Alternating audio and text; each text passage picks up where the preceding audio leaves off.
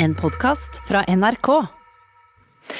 Tidligere stortingsrepresentant for Arbeiderpartiet Trond Giske mener fem aviser trykka usanne opplysninger om ham, og har klaga disse inn til Pressens faglige utvalg, nemlig PFU. Og denne klagen skal behandles i dag. Avisene trykka historiene til to kvinner som anklaga ham for seksuell trakassering. Han avviste disse anklagene, men trakk seg fra politiske verv etterpå. Og nå skal PFU altså avgjøre om det var rett eller galt av avisene å publisere disse historiene. Og et stort flertall av lokallagene vil ha Trond Giske som leder. Det startet i august i fjor, da valgkomiteen i Trøndelag Arbeiderparti foreslo Trond Giske som ny leder i fylkeslaget.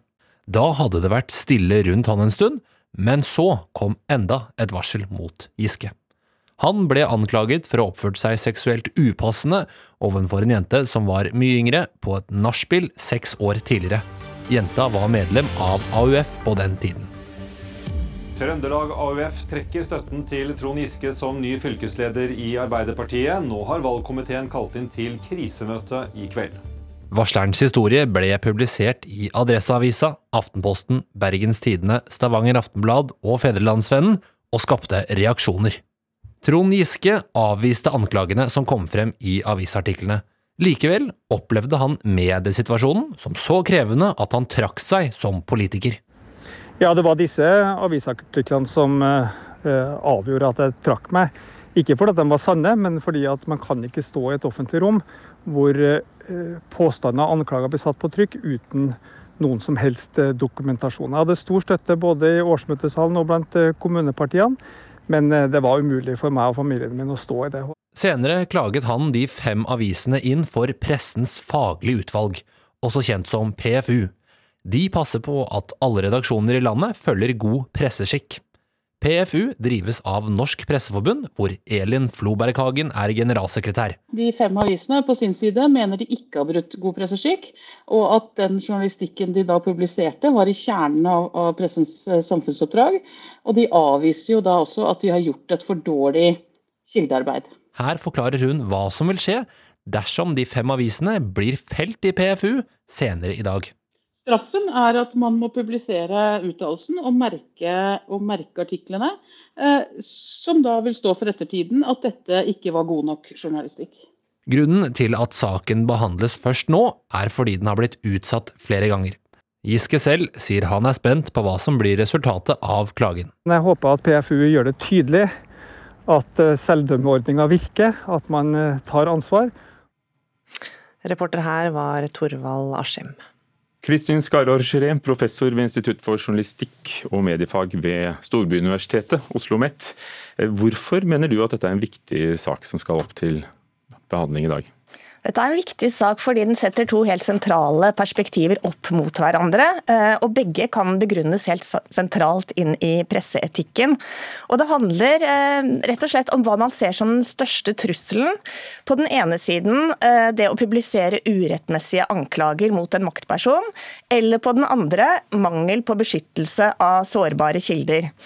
Og Det første perspektivet vil jo være aller mest opptatt av uh, å unngå at pressen skal publisere usanne påstander som del av et maktspill f.eks. Mens det andre perspektivet vil hevde at det aller viktigste er å sikre sårbare varsleres rettigheter. Og, så Det er disse to trusselbildene da, som står opp mot hverandre, og det er balansen mellom disse to perspektivene som da PFU, eh, Pressens faglige utvalg, har diskutert, og som vi i dag får vite resultatet av.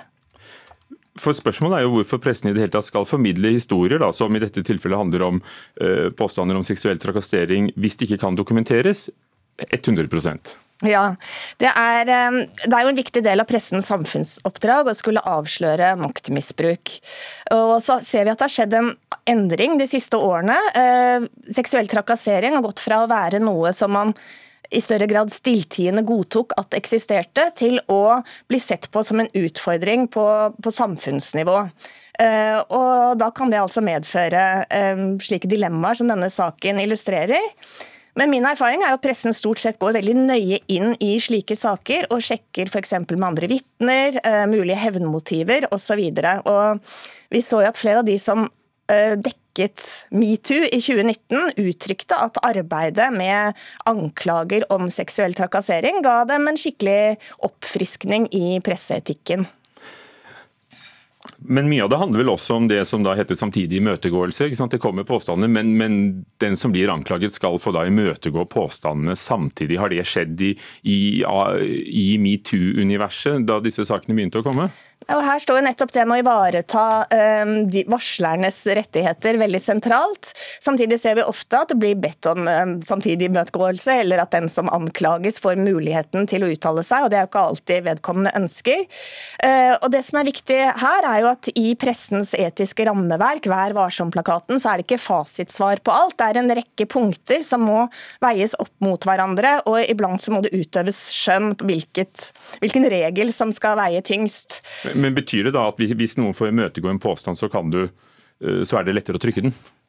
Eh, Selv om ja. du ikke har noe bevis for det, for det har man jo ikke alltid. Det kan det være. Eh, samtidig er det også veldig viktig at eh, ikke alle påstander må imøtegås samtidig. Eh, nettopp fordi at maktdimensjonen her blir veldig sentral. Og vi ser jo at seksuell trakassering f.eks. handler jo veldig om asymmetri i både makt og alder. Og, og, da vil jo en slik asymmetri også kunne vise seg i hva slags nettverk og støtteapparat de involverte har. Sånn at i noen tilfeller så kan man, og det har jo også noen redaktører tatt til orde for, begrunne ansvaret for eh, varslerne med at samtidig imøtegåelse må ses på i et litt større perspektiv. Så skal Pressens faglige utvalg da behandle Trond Giskes klage mot Adresseavisen og andre aviser som trykket denne artikkelen. Hvilke konsekvenser vil denne beslutningen få? Eh, det vil være viktig. Altså, pressens faglige utvalg gjør en eh, særs viktig jobb når de diskuterer seg fram til slike grenseoppganger da, i, i, dette landskapet. Og, og, deres beslutning i dag vil trolig fungere som en uh, tydelig rettesnor i lignende fremtidige saker. Takk skal du ha. Kristin Skarår Giré, professor i journalistikk ved Oslo OsloMet. I dag skal Wikileaks-grunnleggeren Julian Assange nok en gang møte i retten i London. Amerikanske myndigheter har anka beslutninga om at han ikke kan utleveres til USA, slik de har bedt om. Der risikerer han nemlig å bli dømt til inntil 175 års eh, fengsel. Og reporter Thomas Alverstein Ove, hva er det som skal skje i London i dag? Dette er altså en ankesak over en tidligere beslutning som sa at det ikke var trygt å utlevere Julian Assange til USA.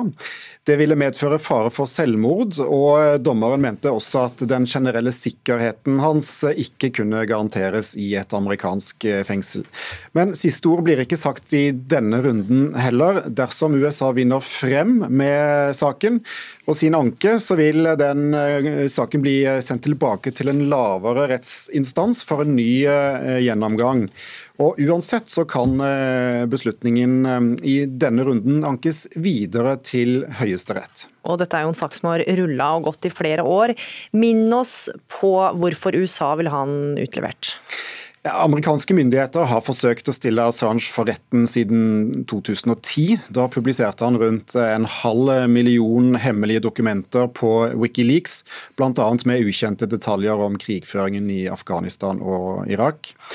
For dette så er han tiltalt for 18 ulike forbrytelser, men i hovedsak så mener amerikanske myndigheter at han da er skyldig i spionasje og bl.a. hacking, ettersom han eh, skal ha hjulpet den tidligere etterretningsmedarbeideren Chelsea Manning med å hente ut disse dokumentene fra militære databaser. Og Blir han funnet skyldig, så vil han som nevnt altså kunne få 175 års fengsel. Mm. Og Hver gang eh, Julian Assange er i retten, så pleier det å møte opp mange demonstranter eh, utafor eh, rettslokalet. Hvorfor det? Assange har stor støtte, særlig fra menneskerettighets- og ytringsfrihetsorganisasjoner. De mener hele saken handler om å hindre avsløringer av krigsforbrytelser og dårlige politiske beslutninger. Organisasjonen Reporter uten grenser de ber eh, president Joe Biden om å droppe saken, men eh, det har det så langt ikke kommet noen eh, signaler om at vil skje. Og Det var jo også Barack Obama med Biden som visepresident som strammet til Washingtons praksis med å behandle varslere som spioner. Og Amnesty International eh, de mener USAs oppførsel i denne saken truer pressefriheten både i USA, men også i utlandet. Og De minner om at pressefrihet og ytringsfrihet er helt grunnleggende i et velfungerende demokrati. Mm. Vi får se hvordan det går, da. Thomas Alvarstein Ove, takk for oppdateringa.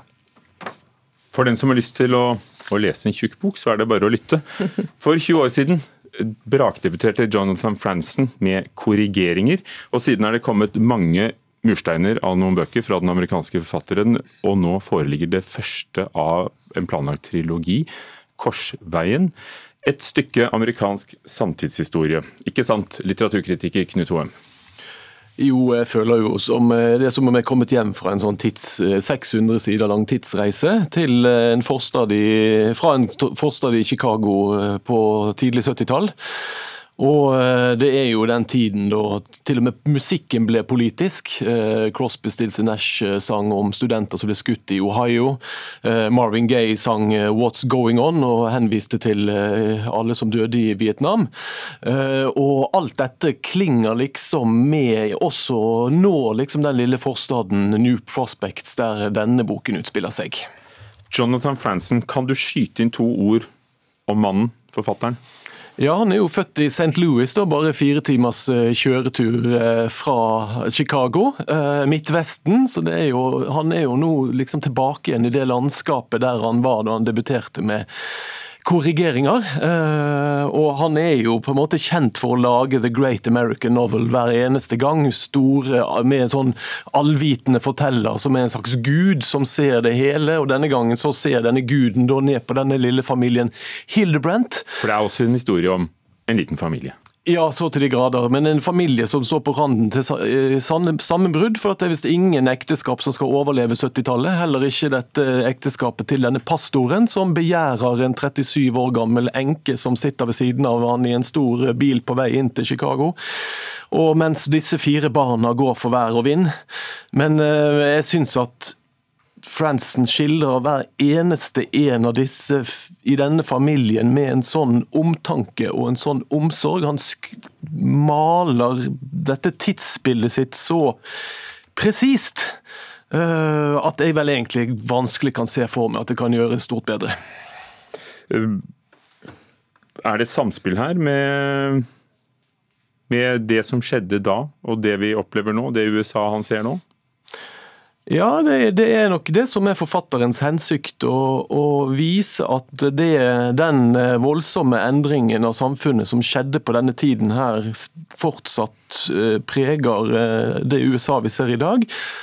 Eh, narkotikaen flyter jo. Det er til og med i den kristne menigheten der mye av handlingen utspiller seg, så driver de og røyker pott. Og en av sønnene går over til sterkere stoffer. Da tenker jo jeg på de der forstedene i USA som vi nå har skjønt nesten har gått til grunne i kjemisk eh, dop.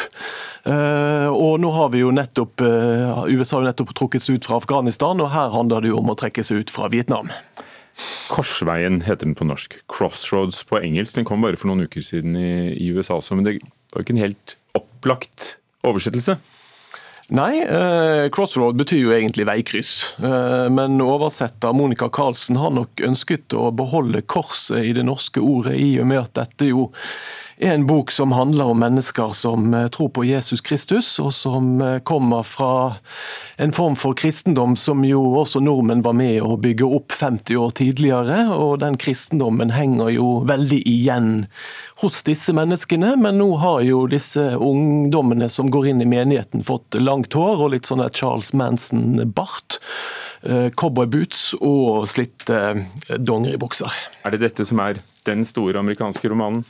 Ja, og noen syns jo at eh, Fransen er gammeldags, som gjør det på denne måten. Men eh, jeg syns at eh, gammeldags er bra når det er på dette nivået. Han gjør romanen 'great again', for å si det med en forhenværende president. Og jeg står last og brast ved Fransens side og vil forsvare denne måten å gjøre det på, helt til det kommer noen som gjør det helt annerledes, men med like mye utholdenhet og overbevisning. Jonathan Fransen. Korsveien på norsk oversatt av Monica Carlsen siden eh, de som leser bøker er glad i å lese, så er det godt å vite at på nrk.no anmeldelser så kan vi alltid lese alle anmeldelsene deres, og, og, kanskje du sier noe mer da? Eller i hvert fall sier du det eh, kanskje enda mer presist.